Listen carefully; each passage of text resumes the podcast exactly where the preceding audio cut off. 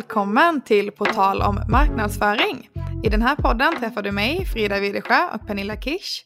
Tillsammans snackar vi om allt det där som rör att sticka ut ur bruset, hitta de återvärda leadsen, göra karriär och mycket mer. Ja, men precis. Och nu är det juni till och med. Tiden går så rasande fort. Det gör den verkligen. Det, det är inte långt kvar till semestrarna nu.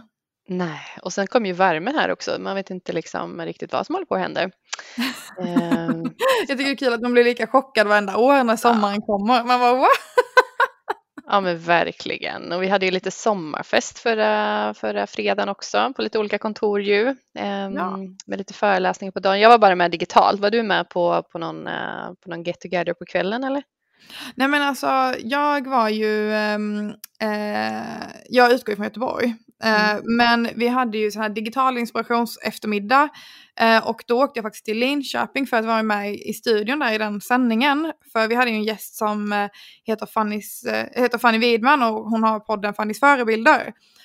Som skulle föreläsa för oss och hon håller ju på med det här kring jämställdhet och mm. speciellt inom näringslivet. Så jag var där och, och intervjuade henne lite sådär efter hennes föreläsning med frågor som hade kommit in och, och så. Det var väldigt intressant. Väldigt eh, kul avbrott från eh, eh den vanliga arbetsvardagen. Och sen mm, efter det så åkte jag ju rappt ner till Göteborg igen och var med och hängde lite med några kollegor utomhus. Ah. Så det var väldigt härligt. Uh, det var det inte var illa. En, Göteborg, nej, Linköping, Göteborg på samma dag. Mm.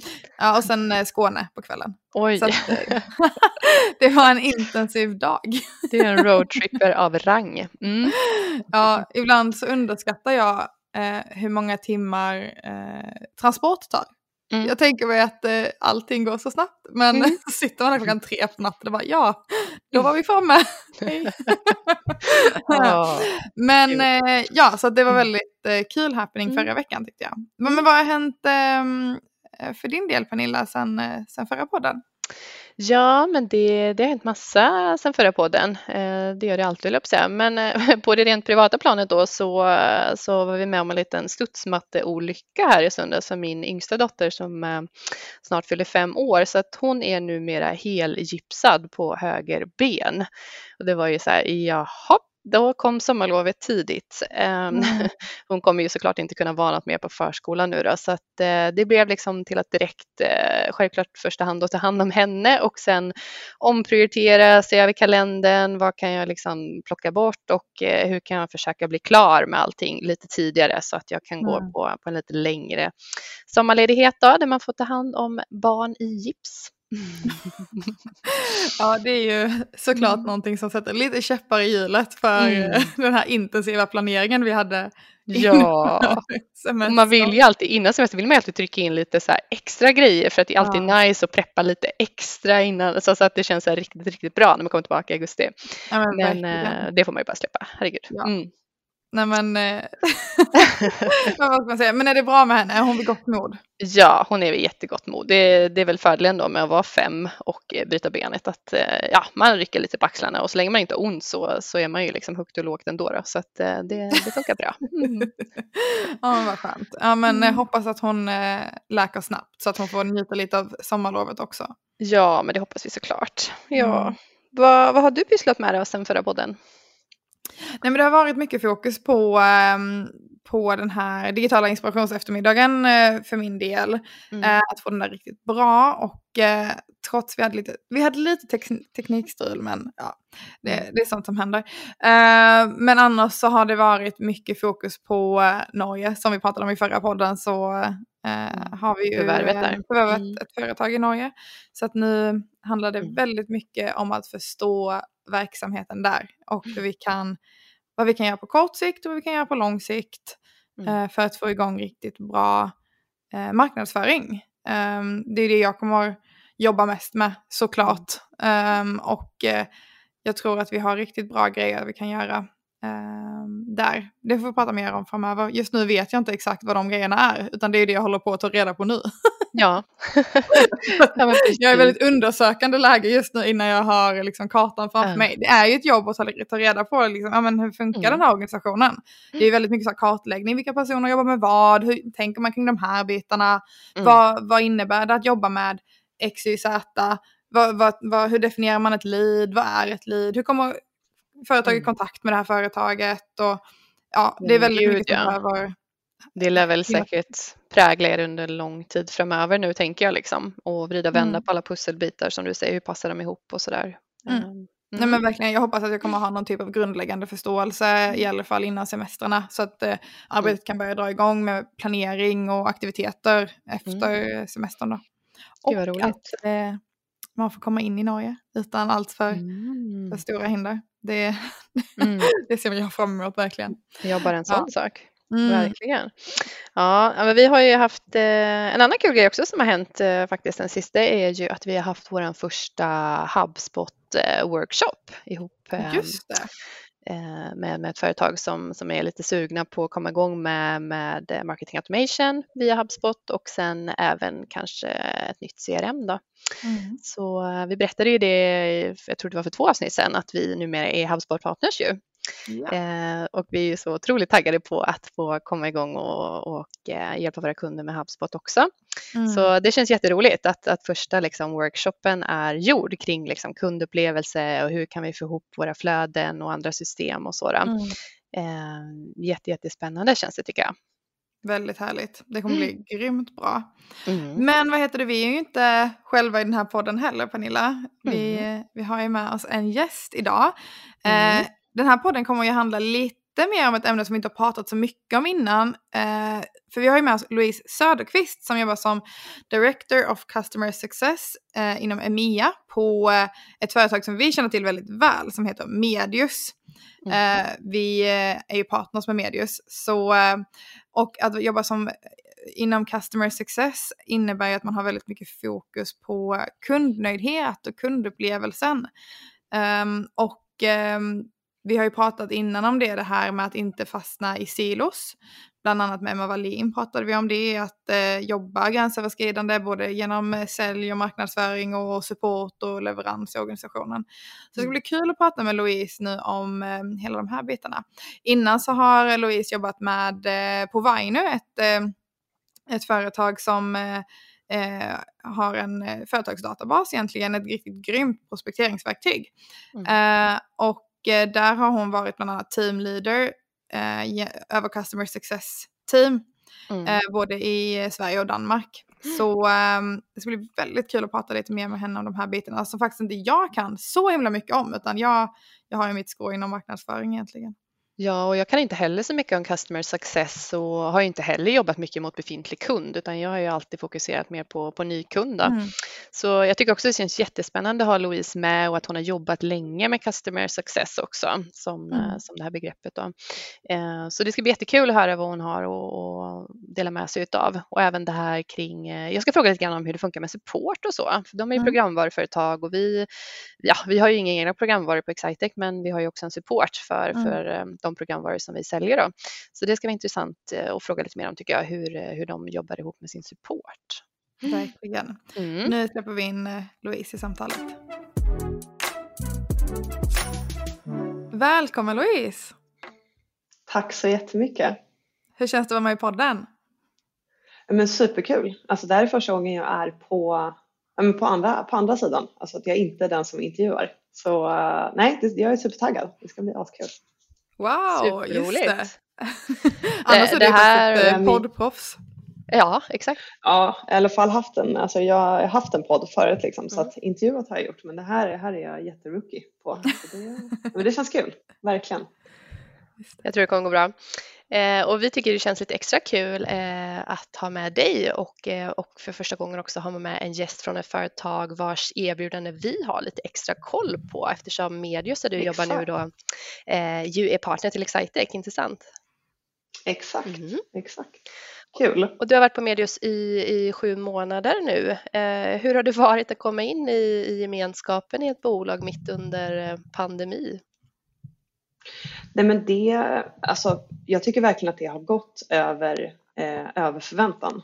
Eh, man var ju lite så här, eh, det är klart man var nervös över det i början att så här, okay, allting kommer vara nytt och sen så kan man liksom inte vara på plats men det var ändå ett andrum där någonstans precis när jag började så att jag hade ändå mycket av första veckorna på plats eh, tillsammans med min, med min närmsta chef eh, så att vi ändå kunde hålla ner liksom antalet så det gjorde jättemycket. Mm. Eh, sen var det en väldigt så här, strukturerad onboarding. Eh, jag fick träffa väldigt mycket personer eh, över hela Medius alla länder mm. även om det var digitalt så att det gick ändå så pass bra som, så bra som det kunde gå liksom. Och sen så hade man ju med sig, man var ju van att jobba hemma, man hade gjort det sedan liksom mars så att det var liksom, det hade, det nog varit värre om man skulle börja ett nytt jobb precis när pandemin slog och man inte var van vid det här hemmakontor och så vidare. Men nu hade mm. man ändå en liten uppvärmning innan.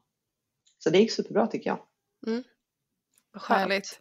Vi, vi hade ju ett gäng som började på Excitec eh, alltså i januari i år. Um, jag vet inte om det var 15 stycken eller något sånt där. Uh, som mm. också fick den här, men de fick ju den helt digitala staten. Eh, och vi har, mm. alltså, det är ju jättespeciellt verkligen. Men jag tror också att eh, upplevelsen är att det har fungerat förvånansvärt bra. Um, mm. Och jag tror som du säger, för vi hade ju några som började i, i början av förra året och där var det lite mer så här, okej, okay, nu är det helt nya förutsättningar och man var lite mer rookie på att eh, mm. liksom köra helt digitala onboardings hela den här biten. Ja. Så, ja. det lägger ju mer på, alltså det lägger ju helt klart mer på arbetsgivaren mm. eh, när det kommer till för att kan vara på plats liksom, då kan man eh, man, ska säga, man ska inte säga mysa genom en onboarding men det blir ändå enklare liksom, och naturligt att säga jag rycker med dig på det här mötet mm. och så vidare. Det kräver ju mer planering från, från arbetsgivarsidan men jag tycker att ja, High five till Medius som löste det bra. Härligt. Men eh, du jobbar ju eh, med eh, Customer Success eh, i en yes. rätt så stor region. Berätta, vad, vad, ingår, mm. vad ingår i det här jobbet? Mm. Ehm, alltså mitt jobb är egentligen, eh, det är liksom väldigt delat mellan eh, strategiskt arbete och operativt arbete. Och det var också väldigt viktigt för mig. Ehm, jag hade det på mitt, mitt förra jobb och jag sökte verkligen den uppdelningen i, ehm, i mitt nästa också. Så att jag jobbar liksom, eh, man kan säga delat med liksom, eh, med interna projekt, jag jobbar med projektprocessförbättringar för liksom CS i hela EMEA. Mm. Eh, men också operativt liksom i kontakt med, med kunder. Och eh, den kombinationen älskar jag. Jag tycker att det är, eh, för mig är det viktigt och jag tror också att den uppdelningen gör att jag gör liksom båda delarna bättre. Eh, förståelsen blir, eh, man får en mycket bättre helhetsbild och kan på ett mycket själv, mer självsäkert sätt säga att man, att man vet vad man pratar om. Mm. När man gör liksom, när man lägger fram förslag på så här, hur ska vi göra processer, hur ska vi utveckla det här, borde vi göra det här projektet och har man då aldrig pratat med en kund eller liksom har någon typ av ansvar direkt mot kunder så hade jag tyckt att det var väldigt svårt att mm. Eh, stå bakom det alltid. Just det. Ja, det är ett jätteintressant eh, område som vi får grotta mer i. Men Medius, Absolut. ska vi bara liksom, mm. vad, vad, är Medius för företag? Ja, eh, men Medius levererar ju eh, alltså målbaserade lösningar för, eh, för hela inköpsprocessen egentligen. Ehm, så det är liksom allt ifrån att man eh, ja, hittar nya leverantörer, lägger upp nya leverantörer, eh, beställa varor och tjänster till att ja, men hantera fakturor och betalningar.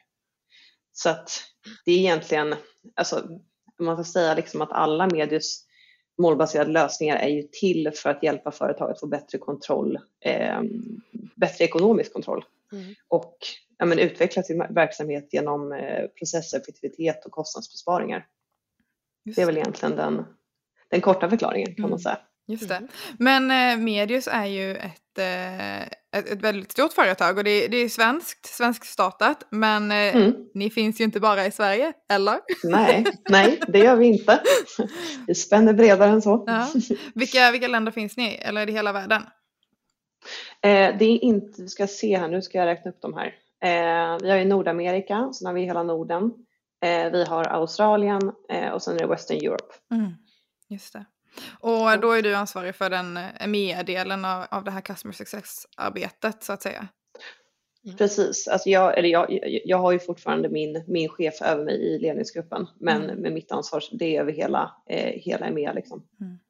Just, jobbar ni eh, med Customer Success på andra sätt i de andra delarna av Medius? Eller är det, hur jobbar ni liksom över hela gruppen? Alltså, det man kan säga liksom, alltså, på Medius så finns det ju, vi har ju som en Customer Success avdelning eh, så att säga. Och där, där har vi människor som, men några sitter i eh, UK, de tror jag glömde också när jag sa var Medius finns. Eh, eh, så teamet som jobbar med customer success är ganska eh, globalt kan man mm. säga. Så att i Sverige är egentligen jag och min chef. Eh, sen finns det, eller det är i Stockholm, sen är det några som sitter i Linköping, vi har liksom folk i, i Norge, vi har i UK, vi har från Polen sitter några. Så att eh, det är inte så att liksom Custom Success-teamet bara, ut, eller bara är, jobbar från Stockholm eller från Sverige. Eh, och sen så, men som det är nu så, så här, vi har ingen riktigt så här, alltså CS jobbar inte exakt likadant eh, i, i alla liksom, regioner som, eh, där Medius finns. Mm. Eh, och det är också så att det har Medius lyckats med också väldigt bra tycker jag. För att det finns såklart en avdelning eh, som fokuserar endast på CS. Men Medius har ett väldigt fokus på customer success allmänt om man säger så. Mm. Så att ledningsgruppen jobbar verkligen otroligt hårt för att få in det här fokuset hos alla avdelningar. Så mm. att att, att driva CS-arbetet kommer kanske, vad ska säga, core från själva Customer Success-avdelningen. Mm. Men kan i andra liksom, länder bedrivas av en helt annan, annan avdelning egentligen. Så att mm. om man säger att det drivs från en avdelning men initiativet och liksom tänket finns även liksom hos eh, men sälj i Nordamerika där liksom, och så vidare. Mm. Just det. Innebär det då att man också är direkt kundansvarig för olika konton och så, eller hur jobbar ni? Ja, på Medus som man säger, alltså att vara kundansvarig, det ligger under account management mm. eh, eller eftermarknadssälj egentligen. Eh, så att eh, CS-avdelningen på Medius är ju inte de som direkt äger kunder utan det är fortfarande på sälj. Så vi, det är ett samarbete kan mm. man säga. Just det. Sen, sen är det ju väldigt, och det, det, det fokuset tycker jag verkligen att Medius har, eh, har lyckats med att det är inte jättestort fokus på vem som faktiskt är kundansvarig utan man ser kunderna som en tillgång egentligen för, för företaget. Mm. Det tycker jag är superviktigt. Att det går, för att lyckas med ett customer success-arbete så kan man inte endast utgå från den som faktiskt äger kunden utan det måste komma från olika håll. Mm. Streamlinas till ett och samma mål på något sätt. Men där sätter du verkligen fingret på någonting viktigt som, som gör det väldigt aktuellt att prata liksom, med dig i den här podden också som ändå är så här, på tal om marknadsföring. Um, mm. För just uh, customer success är ju väldigt i ropet och vi har ju pratat om det flera gånger innan i podden också det här med dels samarbetet mellan sälj och marknad. Vi har pratat om att man ska undvika silos, att man har rev-op teams istället för, för mm. de här silofunktionerna. Och vi har ju verkligen också ett större fokus på customer success bitarna i vår marknadsföring. Hur, hur jobbar ni liksom mellan customer success och marknad på Medius?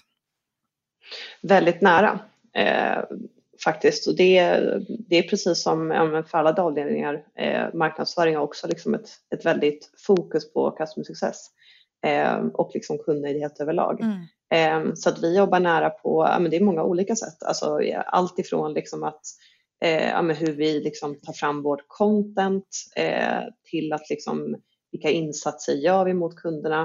Eh, generellt så tror jag alltid att man behöver tänka utifrån allt man gör. Att så här, varför gör vi det här? Är det någonting vi kom på internt för att det var kul? Eller gick vi verkligen till våra kunder? Alltså det är alltid de som måste berätta vad det är man ska göra. Mm. Hur man ska marknadsföra sig, vad man ska utveckla, på vilket sätt. Jag tror att har man inte det fokuset så blir det det är klart att det kan bli bra men frågan är vad syftet är. Liksom. Mm. mm.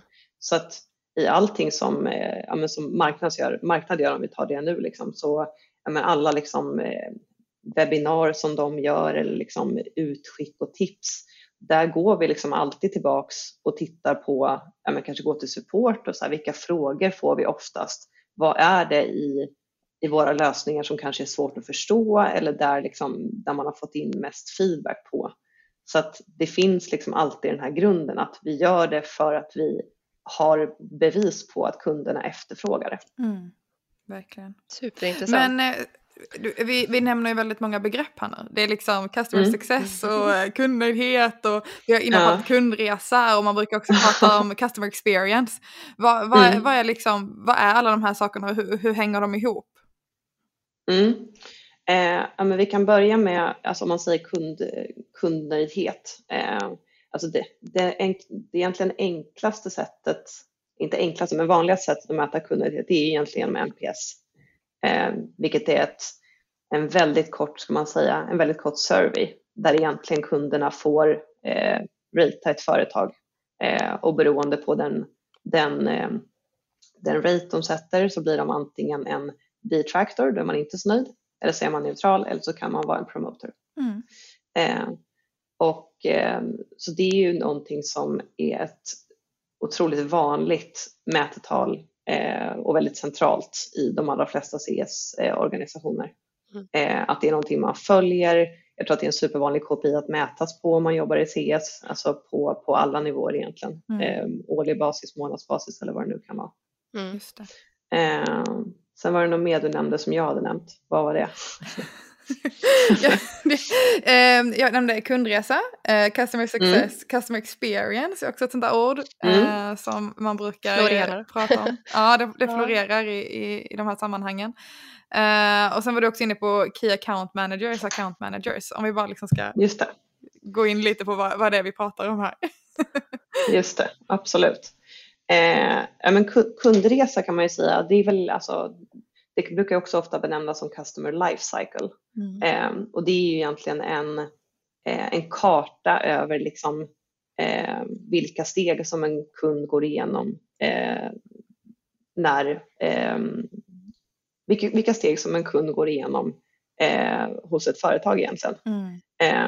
Och den, ser, den kan ju se ut på väldigt olika sätt beroende på vad det är för liksom, produkttjänst som man säljer. Men en typisk kundresa är väl egentligen liksom på något sätt att man, eh, man har någon typ av, alltså man går in i en säljprocess eh, och man blir kund och sen kommer någon typ av onboarding Eh, och sen så på något sätt så hamnar man ju, eh, blir presenterad för någon som är kundansvarig och ansvaret går då över till, eh, till den eller de avdelningarna som jobbar med, med den egentligen. Mm. Och sen så är det ju liksom ja, sådana steg i kundresan som att eh, ja, men nu börjar vi komma till renewal, eh, vi ska förnya kontraktet, då brukar ofta olika typer av insatser sättas in. Eh, och sen hamnar man ju ofta i någon typ av, alltså generellt sett, någon typ av retentionfas. Mm. Just det. Det är väldigt intressant med just kundresan för det är ju på något sätt kundresan som verkligen knyter samman alla avdelningar. Både så marknadsföringen, försäljningen mm. och eh, absolut liksom CS och det som händer liksom efter man har blivit kund. Och det som är lite mm. extra intressant kring just kundresa tycker jag, det är att man ofta kan liksom tänka sig den som att okej, okay, steg ett är marknadsföring, steg två är sälj, steg tre är CS. Men hela, mm. det, det, är ju inte riktigt så, utan liksom marknadsföringen är ju liksom som, som någonting genom hela kundresan. Och det är väl lite mm. det nya sättet att tänka, kan jag, här, om, man, om man kollar på sådana här gamla liksom, eh, mm, beskrivningar av, av hur en kundresa ser ut. Absolut, ja. absolut. Det finns ju verkligen, det är ju väldigt svårt att sätta ett, en, en början och ett slut på någonting. Mm. Eh, för där vill man ju egentligen alltså man vill ju ogärna egentligen hamna där. Som du säger vill man ju liksom att marknadsföring, stöd och hjälp, support, det är någonting som det går ju genom hela. Mm. Sen kan det vara liksom olika milstolpar som liksom ska uppnås eller tickas av. Mm. Men egentligen så är det ju väldigt svårt att säga att en, var en avdelning tar vid och vad en annan, eller vad en avdelning slutar vara med och vad en annan tar vid. Eh, jag tror att den, de linjerna kommer suddas ut mycket, alltså mer och mer. Mm. mm. Tror Varför tror du att eh, Customer Success känns så hett just nu? Kan det hänga ihop med att många företag också har fokuserat just på kundresa? Eller vad, vad tänker du? Nej, men jag, jag, tror att det helt enkelt har kommit av att alla företag har insett, eller alla företag borde inse i alla fall, att tillväxt, alltså tillväxt kommer av, det är dina kunder och hur de mår. Det är mm. det enda som kan säkerställa en, eh, en långsiktig tillväxt. Mm. Alltså, eller egentligen så här, det funkar inte att göra bara en, alltså det, går, det, spelar ingen roll hur mycket du, det spelar ingen roll hur mycket du säljer. Mm. För du, det kommer fortfarande ett efterliv efter det. Just det. Och jag tror att det hänger ihop också mycket av att företag har i större grad börjat fundera på frågan vem säljer vi till? Mm. Alltså jag tror att man vågar vara lite mer kritisk är kanske fel ord, men jag tror att det har visat sig att så här, om det bara, alltså det här med att bara dra in affärer, Mm. den tiden har man då fått bevis på att det konceptet är inte alltid lyckat för att du kan dra in pengar och du får in dem just nu men det känns som att det här långsiktiga hållbarhetstänket på något sätt har kommit in i näringslivet också att vi måste titta på vilka typer av kunder säljer vi till. Vi vill liksom se att de ska inte bara finnas med den här avtalsperioden, de ska finnas med oss länge. Mm. Just det. Och hur behåller vi dem? För, jag- för jag tänker då när du var inne på Mm. mätetal där tidigare om, och pratade om NPS som ett av de vanligaste mätetalen inom CS. Då. Mm. Eh, ett annat är ju churn då tänker jag, alltså det här med tappade Mm. kunder. Eh, hur mycket Ja. fokuserar ni på det eh, och vad tycker du, borde man fokusera mer på churn eller mer på NPS? Liksom? Alltså jag tycker att alltså det, det går inte att säga att man ska fokusera på ett, ett eller andra utan man måste fokusera på dem eh, tillsammans, Mm. verkligen. Eh, och det är, det är klart att churn är ju ett otroligt centralt, ett centralt mättal i CS för det vill man absolut inte ska hända. Alltså jobbar man i CS så, så här, då är man inpräntad med att så här, churn, då börjar man så här darra lite. För det, det, där, där vill man inte, liksom, man vill inte vara där. Där vill man inte vara. Ehm, och alltså, churn är också en sån grej som, ehm, där tror jag också att det har bli- blivit mycket mer, eh, mycket mer centralt hela tiden i, i hur man tittar på churn och hur centralt det blir. Och det har ju mycket med tekniken som har, alltså den tekniska utvecklingen har ju gjort att det Mm. är enklare att följa churn idag. Man kan göra vissa eh, antaganden baserat på data, alltså AI, allt det där liksom. Mm. Ehm, men att churn är, om jag skulle säga något som är, alltså, det är mycket saker som ska spela in, men det är klart att churn är supercentralt, Mm. alltid. Mm. Ehm, och det är också en, alltså churn-nöten är ju nöten som alla CS-avdelningar vill knäcka. Ehm, alltså man vill, det är klart att alla CS-avdelningar vill förstå varför churnar kunder. Eh, man vill förstå sin målgrupp. Det är lite, hänger ihop med att man vill förstå vem man säljer till och varför man säljer till vissa företag. Mm. Eh, och framför allt så vill man ju verkligen förstå signalerna som indikerar att en kund är på väg att köra. Mm. Just det. Så, Alltså den, ja, tänka ganska datadrivet där också då egentligen, som du sa. Ta, ta liksom, Absolut. Absolut. Men den, alltså som jag säger, det, alltså det, är ju, eh, det är ju den stora CS-nöten, den Mm. stora allmänna CS-nöten som alla verkligen vill få koll på Mm. eh, och som är viktig att få koll på. Sen så, sen så klart att det är, det är svårt att få ett definitivt svar på den frågan alltid. Men det är ju otroligt viktigt att vara proaktiv när det kommer till det här. Eh, jag tror att om man har man ett arbetssätt som är på det sättet att man jobbar efter körn när den har hänt endast, att man har en process att så här, men vi får in en uppsägning och sen så påbörjar vi en process för att vi ska kunna rädda dem. Mm. Om det är liksom den enda process man har när det kommer till körn, Mm. då, då har man mer att jobba på, tycker jag. För att det allra viktigaste är ju att ha en, den proaktiva delen innan, det är där man bör lägga fokus. Att verkligen analysera hur beter sig våra kunder. Finns det någon gemensam nämnare kring när de säger upp, på vilket sätt de säger upp eller vad det nu kan vara. Mm. Alltså de bitarna är otroligt viktiga att få, få koll på och svårt ska jag säga. Det är inte så att det här är något enkelt eh, jobb liksom. Nej, just det. Mm. Verkligen inte. Mm. Det är som vanligt tusen ni- har olika ni grejer som ska göras eh, samtidigt. Ja, Mm. verkligen. Har ni sett några liksom så här, eh, någon röd tråd eller har ni liksom kommit fram till någonting? Det här är någonting vi behöver ha lite extra koll på. Eh, för att förutse det här liksom churn-beteendet. Mm, alltså vi, vi har väldigt eh, strukturerade processer när det kommer till att fånga upp de här, eh, de här riskfaktorerna. Mm. Ehm, och det, det är ju utifrån x antal olika liksom, eh, parametrar, varningssignaler som vi, har, eh, som vi har sett. Så att vi har en väldigt, eh, jag tycker ändå att vi har en utvecklad process när det kommer till det.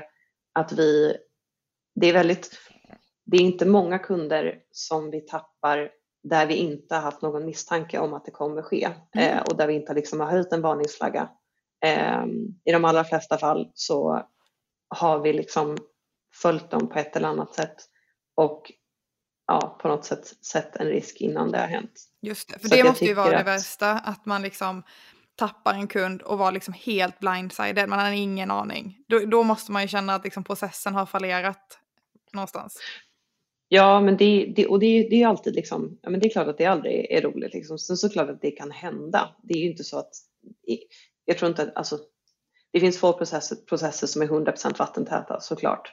Mm. Eh, men, men det är klart att man, man vill ju ha en man vill ju ha en CS-avdelning där man känner att man har gjort allt. Att det, det, det, är liksom något extraordinärt som gör att vi inte hade någon aning om att det här skulle hända. Mm.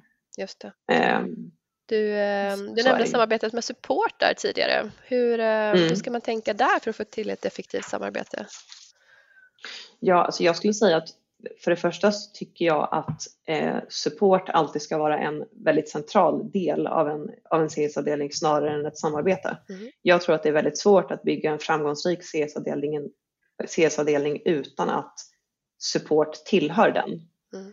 För att det hänger ihop så otroligt eh, mycket. Supporten är ju det blir också det i och med att så här, ja, men som, som det ser ut, alltså allting blir mer digitalt. Alltså, det kan vara så att kundernas ofta främsta kontaktyta med dig som leverantör är ofta genom supporten.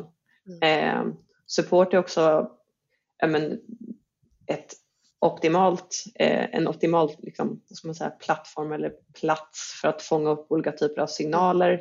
Alltså det, för att kunna bedriva supporten på ett bra sätt så krävs det liksom att de är en del av CS för support är i allra högsta grad eh, customer success mm. tycker jag. Mm. Just det. Men om man pratar om eh, liksom account managers som då oftare jobbar på sälj um, mm. som liksom en helt annan avdelning än supportavdelningen.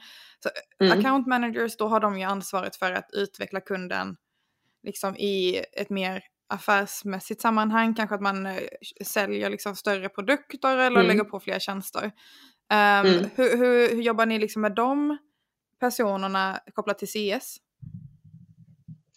Alltså, alltså väldigt, nära, väldigt nära samarbete eh, generellt sett. Det är ju, eh, ja, som jag nämnde tidigare, eh, vi har verkligen ett eh, men det är alltså ledningsinitiativ att Customer Success ska vara centralt på alla avdelningar. Mm. Så att det, på ett sätt är det liksom det är väldigt, jag tycker att, eller det pratas, det, det pratas ofta att alla avdelningar vill, eh, vill ofta, eller det, jag har hört från, från många håll i många sammanhang att Eh, eh, avdelningar ofta vill utnämna sig själva som att eh, men vi är hjärtat i organisationen utan oss så går ingenting runt. Alltså det finns ändå en sån, ett sånt prat ofta. Och jag tycker att liksom, målet och dit man vill komma som företag är att man ska liksom, känna att det som finns i organisationen som en allmän förståelse är att kunderna är hjärtat. Det är mm. där det finns. Och sen cirkulerar vi andra, andra runt och försöker få det här hjärtat att slå så in länge som det bara är möjligt. Just det. Men hur, eh, hur funkar det rent? Ja, det var så otroligt poetiskt Ja, och jag, blev så här, jag ville bli så här superpraktisk och så här pragmatisk och fråga, men hur funkar det i praktiken då? Alltså så här, vad gör man liksom, som du säger om CS och liksom era account managers ska, ska jobba närmare för kundens bästa liksom? Eh, gör man liksom ett, startar man något projekt ihop eller har man liksom veckoavstämningar eller taggar man varandra i CRM eller liksom hur, hur funkar det i praktiken liksom? Nej, men vi, vi har väldigt regelbundna liksom, möten och eh, avstämningar där man tittar på kundbasen utifrån olika aspekter. Mm. Eh, och sen så är det helt enkelt ett samarbete där man eh, där vi helt enkelt delar upp alltså vilka insatser behöver vi göra. Mm. Eh, och sen så, sen så delar vi upp dem på, mellan de personerna som, som ska vara involverade. Mm. Och sen är det klart att sälj, sälj sköter ju alltid sälj även om mm. CS kan vara involverad där också för vi det finns ju också liksom i många sammanhang. Så det är ett väldigt bra samarbete skulle jag säga. Och det är snarare att vi pratar om vad som behöver göras i första hand än att vem som ska göra det. Just det. Just. Ja. Ja, men jätteintressant tycker jag. Eh, få lära sig lite mm. mer om, om de här bitarna. Men mm. du, eh, innan du hamnade då i, i CS-svängen och innan du hamnade på mm. Medius, då var du ju på Vainu i flera år. Yes, eh, det var jag. Tillsammans med Emma då som du också drev den här podden med. Eh, mm. Kan du berätta lite om din resa på Vainu? Ja, eh, jag var ju på Vainu i tre år. Måste det ha blivit, ja, lite över tre år. Um, och jag började där, ja, men, eh, det var direkt efter examen. Jag började på sälj, på nysälj, nykundsförsäljning. Mm. Så jag gjorde det först i, kan det ha varit, fyra, fem månader och sen fick jag möjlighet att gå till CS. Um, så då började jag i CS och fick min egen eh, kundportfölj. På, Vine var det på ett annorlunda sätt. Där ägde CS kunderna, så där var det vi som hade portföljerna. Mm. Och um, så jobbade jag där och sen fick jag möjlighet att bli teamleader. Och så blev jag teamleader för, först var jag för Sverige och Norge, alltså de, eh, de, de som jobbade i CS där. Och sen fick jag även Danmark efter det. Mm. Um, och Vino var, alltså det var en fantastisk resa. Det är sånt jag liksom bara ser tillbaka på med, med värme. Mm. Men det, är mitt, liksom, men, det är mitt första jobb och liksom vi, den resan som Vino gjorde under tiden jag var där också liksom med, med det gänget som vi var. Um, vi var ju verkligen ett startup liksom från början uh, som hela tiden liksom växte och växte så att det var en alltså, fantastisk resa. Jag har lärt mig så otroligt mycket på Vino och har väldigt många nära vänner kvar från, från den tiden. Däribland Emma som har nämnts många gånger. Ja, just det. Mm. Väldigt härligt. Um, Men vad, vad är det som lockar med att fortsätta på CS-spåret? Liksom? Vad är det som lockar med liksom, det istället för eh, sälj till exempel? Då? Alltså, det är så... Eh, alltså jag, har verkligen, jag har verkligen ett intresse för både sälj och för CS. Jag tycker att på, alltså på Vino Eh, och precis som på min nya arbetsplats så, så, tycker jag liksom att gränsen mellan CS och sälj har varit, alltså, eller vad ska man säga, muren mellan har knappt funnits. Alltså de har alltid hängt ihop. Så att jag har i princip aldrig känt att jag behövt välja. Mm. Um, sen, så, sen så tilltalade det mig att först börja i CS, för det var ändå att det blev lite mer långsiktig kundkontakt på något mm. sätt i, i CS. Eh, och det tilltalade mig från början. Men sen så, alltså jag älskar sälj och har liksom ett otroligt intresse för det och tycker att det är superkul. Och jag tycker att CS var liksom det perfekta att få det här långsiktiga men du har fortfarande liksom säljmentaliteten med dig. För det är det ju i CS också. Du ska ju sälja, du ska fortsätta sälja hela tiden. Mm. Även fast du inte gör det lika uppenbart, om man ska säga. Um, Jo men det och, är väl det eh, måttet på liksom ja. en framgångsrik kundrelation, att kundens åtagande fortsätter att växa och att kunden utvecklas ja. med den tjänsten eller den produkten man, man levererar till kunden. Eh, mm. Det är väl liksom det, det, det finaste liksom, eh, måttet på att det är en härlig kundrelation. Ja, verkligen. Verkligen. Och det som jag liksom, eh, det som jag gillade med sälj från början när jag började i det, det var liksom att jag tror många, liksom har, många har nog fördomar mot, eh, mot sälj överlag. Alltså det, det liksom, yrket eller det ordet har fortfarande en liten så klang som vissa kan vara så här, jobbar du med sälj? Mm. Eh, men jag tycker man ska vara stolt över det för sälj handlar egentligen om att lösa ett problem för någon och lyckas få den personen att förstå det. Mm. Eh, och den känslan när man gör det eh, tycker jag fortfarande är oslagbar.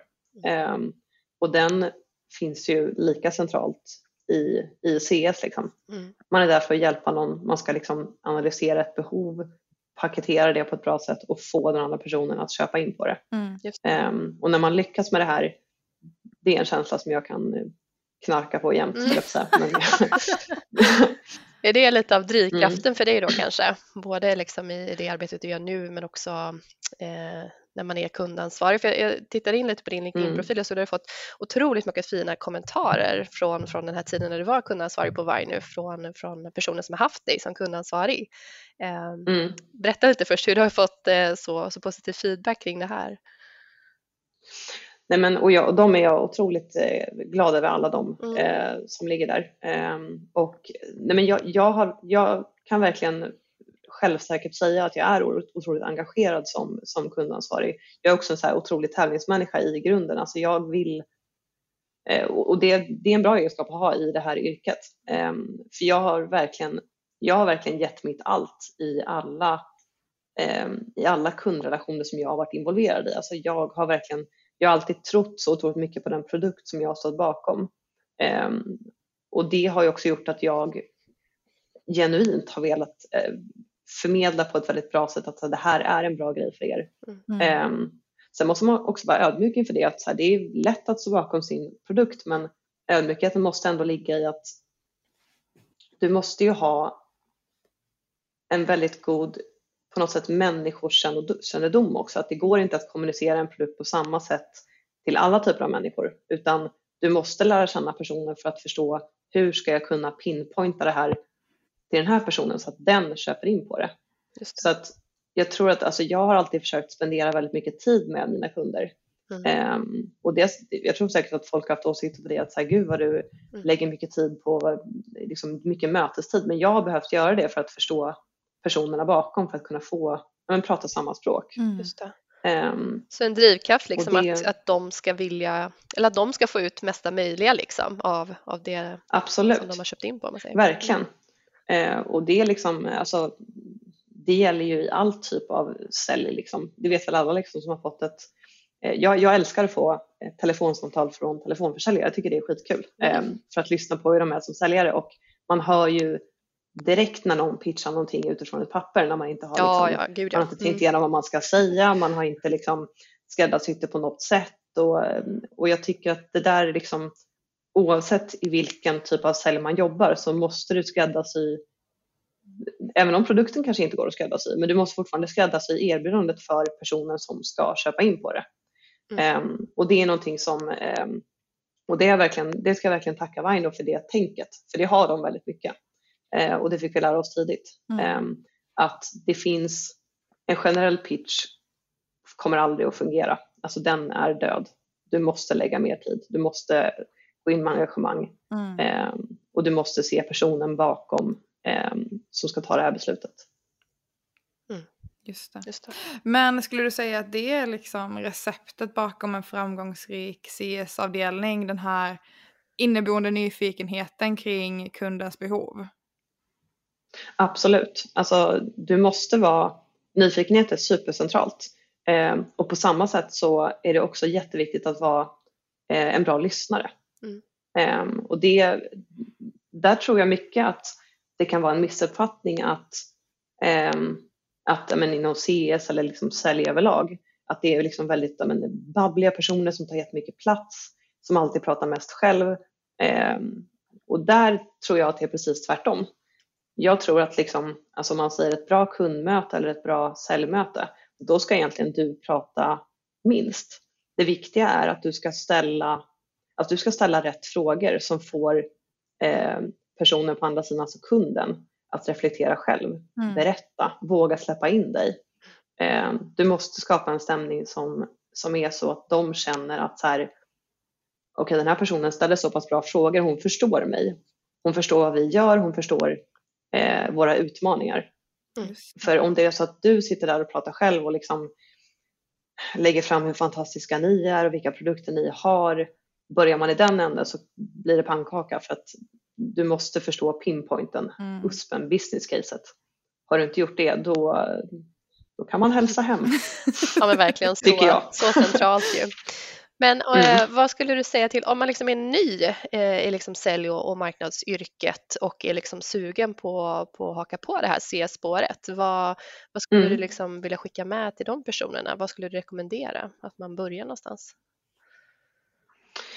Alltså, alltså jag skulle säga att ja, men för det första, alltså det, allra, det allra bästa du kan göra om du ska gå in i någonting nytt alltid eh, tycker jag är att på ett ödmjukt sätt gå in och försöka lära dig såklart så mycket som möjligt. Och allra bäst om du kan ta rygg på någon. Alltså vet du någon som du ser att så här, den här personen gör det här otroligt bra. Eh, så lyssna och försök lära av, av den personen. Ställ mycket frågor, var nyfiken, precis som det är när du mm. liksom själv ska bemästra yrket sen. Nyfikenhet och att lyssna.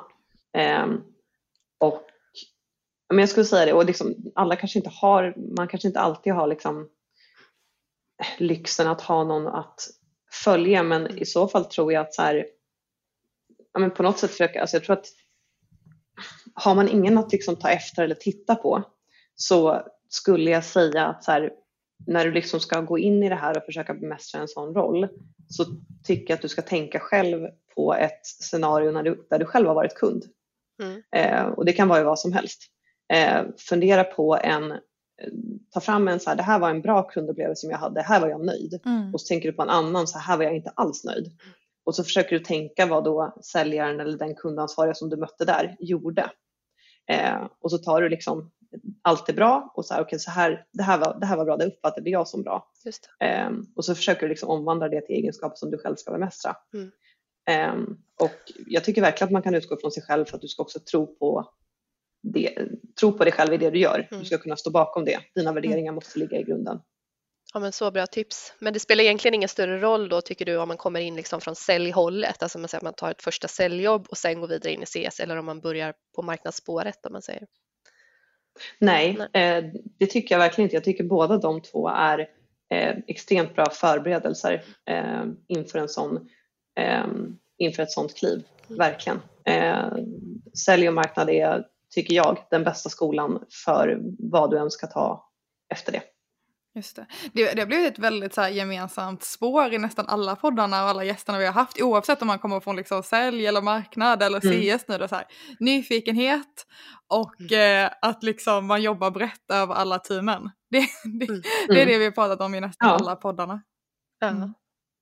Coolt. Ja, men det, är, alltså det, det är så viktigt och det är så, så centralt och det är verkligen liksom, alltså det är en väldigt trevlig trend Mm. tycker jag som man ser sprida sig mer och mer.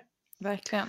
Jag tror också att, att, eh, att just kundresa och eh, kundnöjdhet och customer success och alla de här bitarna har blivit mer och mer i ropet på grund av att företag också jobbar mer och mer datadrivet. Och man kan liksom se Mm. så här, man bara, men vänta nu, nyförsäljning tar så här lång tid, det tar så här lång tid att få värdet, det tar så här lång tid att liksom bygga upp allt det här. Och så kan man kolla på liksom sin befintliga kundbas och mäta så här, men oj, det är liksom nio gånger mer effektivt att jobba med sin befintliga kundbas än att bara satsa på nyförsäljning.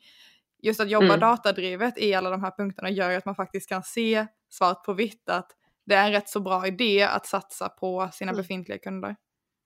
Mm, verkligen, verkligen. Mm. Ja, det, det är ett spännande ämne. Eh, Men det här med podden då, Louise, kan du tänka dig att driva Ja. podd igen och i så fall inom vad? Absolut, alltså det var ju, jag tyckte det var otroligt kul. Eh, det tror jag jag och Emma var väldigt överens om. Eh, det var verkligen någonting som vi, eh, nej, vi, vi, vi, vi trivdes med det otroligt, eh, otroligt bra. Sen liksom att vi slutade var ju mest att logistiken gjorde att det blev, att det blev svårt. Mm. Nu kan man ju spela in digitalt i och för sig, så det Mm. går ju kanon det också. Kanske ska starta igen. Mm. Ehm, men jag skulle absolut kunna göra det igen. Ehm, den podden vi hade var ju, ehm, det var ju en sälj, jag måste inte säga säljpodd. Vårt syfte var ju att så här, vi ville ju inspirera eh, fler kvinnor att starta en karriär inom, inom sälj. Mm. Ehm, och det, alltså jag brinner ju fortfarande för sälj och liksom fler kvinnor inom sälj är också någonting som är väldigt centralt för mig. Så att jag tror nog att det hade varit ungefär på samma spår Mm. faktiskt. Mm. Ehm, det är någonting som, eh, som fortfarande, alltså vi har lång väg kvar innan det kommer vara liksom jämställt, eh, både, liksom, både att det kommer vara jämställt sett till, eller får man säga jämnt i liksom fördelningen män och kvinnor, Mm. men även jämställt kön emellan. Det, det, det är liksom en lång väg att, att gå kvar även om vi liksom har kommit en bit på vägen. Så att jag tror att det hade varit ungefär på samma spår. Kanske, kanske core i liksom, eh, kvinnors karriär och på något sätt eh, jämställdheten i näringslivet Mm. generellt tror jag. Verkligen. Vad, vad är det som gör att du, att du brinner så mycket för just den frågan? Eh, nej men just för att jag tycker liksom att det var ändå, alltså, och det här var nog naivt av mig, alltså när jag, när jag kom från, eh, från universitetet och liksom ut i näringslivet så fick jag nästan lite av en chock i hur, hur lite kvinnor det var som man träffade. Mm. Eh, det var så otroligt få, alltså både när jag sålde och, och även i CS, liksom, det är otroligt få kvinnliga beslutsfattare som man träffar. Eh, och det var nog naivt eh, av mig liksom att inte ha förstått att det liksom såg ut så, men kommer man från universitetet och man ser att liksom hur, hur många som pluggar, då är det ganska jämställt Mm. på ekonomi som jag, där jag var på. Liksom. Eh, och sen var det också att så här, man fick på något sätt lära sig the hard way från början i sälj och som kundansvar att du hade en liten uppförsbacke att bevisa när du var tjej och skulle komma in och, eh, och övertyga. Eh, och också inom tech var det verkligen, alltså, Mm. nej det var, jag kände verkligen att här behöver man bevisa sig själv. Mm. Varför behöver inte män bevisa sig på samma sätt? Ehm, det är ingen som det är ingen som frågar en man hur gammal de är. Det är ingen som frågar vad han har pluggat. Den frågan fick jag hela tiden mm. i början. Att jag var liksom tvungen att på något sätt eh, börja med att förklara varför jag var där och hur vi hade kommit dit. Eh, och det, det, det väckte liksom på något sätt en liten, jag ska inte säga ilska, men det väckte liksom på något sätt en, någonting i mig som gjorde att jag kände att så här, men så här behöver det inte vara. Liksom. Jag hade inte upplevt det innan, vilket som jag säger, det var naivt. Det mm. känner jag också. Mm. Eh, och säkert tur att jag hade varit så förskonad innan. Mm. Men jag eh, tycker verkligen att alltså, jag önskar att det fanns ett scenario där man inte behövde bevisa sig som, eh, som kvinna i vissa sammanhang. Framförallt inom tech och IT är det nog mm mer så skulle jag tro. Verkligen. Jag, jag, om, om, man hade sett oss nu så hade man sett att jag och Pernilla sitter och bara nickar väldigt såhär mm, ja, ja verkligen. Ni håller med, ni håller med. Mm. Ja, men det är en utmaning, herregud. Ja, verkligen. Ja, verkligen. Och jag tror också att även om man, om man hamnar på ett företag som är helt fantastiskt och verkligen arbetar med de här frågorna och, och tar ta det seriöst att vi ska jobba i en jämställd liksom, arbetsmiljö. Så mm. i sitt arbetsliv så träffar man ju jättemycket andra företag och jättemycket andra, man träffar kunder, man träffar mm. partners, man träffar liksom eh, leverantörer. Och det här är någonting som, det handlar inte bara om det interna på företaget man jobbar på utan liksom bemötandet i alla led. Och precis som du säger när man liksom träffar, träffar vem som helst, att, att komma in som ensam kvinna i ett stort rum med liksom beslutsfattare som är till en majoritet män, det är såklart att man har mm. en uppförsbacke där. Mm. Ja, absolut. Och jag tycker man ser det, liksom, jag vet för några år sedan eh, på en stor, liksom, det här är lite för mig att sticka ut hakan, men jag behöver inte nämna namn på något sätt, jag kan linda in det lite. Men det var alltså en stor säljkonferens, det delas, delas ut priser eh, och eh, delas ut till något typ av företag som ska vara liksom, bästa företaget i år. Eh, vinner det, går upp på scen, det är liksom 12 män som tar emot det här priset. Mm. Eh, och då tappar man lite hoppet just då. Att så här, hur kan det här vara företaget som vinner mm. någon typ av guldmedalj det här året när man mm. inte ens... Mm. Ja. Nej, det är verkligen eh, det är någonting som, eh, som jag hoppas ska förändras och som ska få ta mindre plats framöver, att det ska ja. vara en självklarhet. Ja men verkligen. Och jag tycker det är intressant det du säger liksom för att jag tycker alltid man kommer in när man pratar om sådana här saker, speciellt liksom i större grupper där det kanske både är män och kvinnor med, att man liksom hela tiden glider in på det här liksom med, ja men fast ska man som kvinna liksom bli medtagen bara för att man är kvinna? Det vill ju varken mm. jag som kvinna eller, eller någon annan att ska plocka med någon bara för att. Men det handlar ju mm. inte om det, utan det handlar ju om att man ska se de här mönstren och se så här, det är inte rimligt att av av liksom när vi är liksom, det är 50% kvinnor och 50% män. Det är inte rimligt att de enda som liksom makes the cut är män. Mm. Då är det ju någonting liksom annat som är det grundläggande problematiken som gör att man inte har stannat upp och bara, hmm, vänta nu, bedömer jag de här personerna på kompetens eller på förutfattade meningar? Och det är den mm. liksom så här insikten som måste komma högre uppifrån eh, i företaget. Ja, verkligen. Och det, alltså så här, det är också så här kvotering om man liksom går in på det. Det är en väldigt det är en svår och känslig fråga. Mm. Eh, och där har väl jag själv liksom, eh, tidigare innan jag kom ut i näringslivet varit väldigt tydlig med att så här, jag är emot kvotering. Jag behöver inte kvoteras in för att, jag, eh, för att ta någon plats. Och det, där har jag också ändrat mig. Att så här, jag, tror att, jag tror att kvotering behövs för att jämna ut det. Och sen tycker jag också man kan se det på ett annat sätt. Jag tycker att på ett sätt har män kvoterat in varandra i, liksom hur, ja, men i årtionden. Alltså de har alltid valt varandra. Mm. Så att så här, och då, även om jag kanske i grunden inte riktigt känner mig bekväm med liksom kvotering, men jag tror att det behövs. Jag tror att vi måste göra någonting mm. som, får att, mm. som hjälper till att det händer. Um, jag tror nog att, ja, sen kan man tycka vad man vill om det, men för att få till en förändring så tror jag att det är någonting sånt som, som behöver liksom hållas i. Mm. Det är en väldigt modig ståndpunkt att ta där. Det är absolut Ja, jag kände det. Ett, men jag, ja. Så. Men jämställdhet men, är ju eh, någonting som engagerar liksom, verkligen. Mm. Verkligen. Det är det, verkligen. Det, är, det, det, är väldigt svårt och det är ju väldigt mycket hönan och ägget situation när man liksom, vad är det som, Gud, ja. vad, vad, är det som mm. krävs för att det ska bli förändring och liksom, ah, ja, hela där, det är mm. jättekomplext såklart. Men samtidigt, att bara prata om det och liksom lyfta frågetecknen om det gör väl att vi någon gång ska slippa prata om det också. Mm, absolut, Mm. det hoppas man ju. Verkligen. Att det aldrig ska vara en debatt. Det ska Mm. bara, det ska bara vara på ett visst sätt. Det vore dröm. Verkligen. Men eh, Louise, vad, vad ligger närmast Mm. för dig nu kommande veckor? Ja, men kommande veckor. ehm, nej men det, det, det är många roliga så här interna projekt som, som rullar. Några som ska liksom eh, stängas. Ett som är i slutfasen som jag verkligen ser fram emot att det ska sjösättas. Ehm, så det är lite blandad kompott men roliga veckor är det i alla fall. Mm. Härligt. Det är det. Mm. Men väldigt spännande. Stort tack för att du var med i den här podden Louise. Tack så jättemycket. Och- Superbra initiativ också. Fler tjejer som poddar. Ja. och eh, alla ni som eh, lyssnar, stort tack till er. Och tyckte du att det var spännande att lyssna in på det här så glöm inte att prenumerera eller följa på den plattformen som du lyssnar på. Så eh, hörs vi lite längre fram.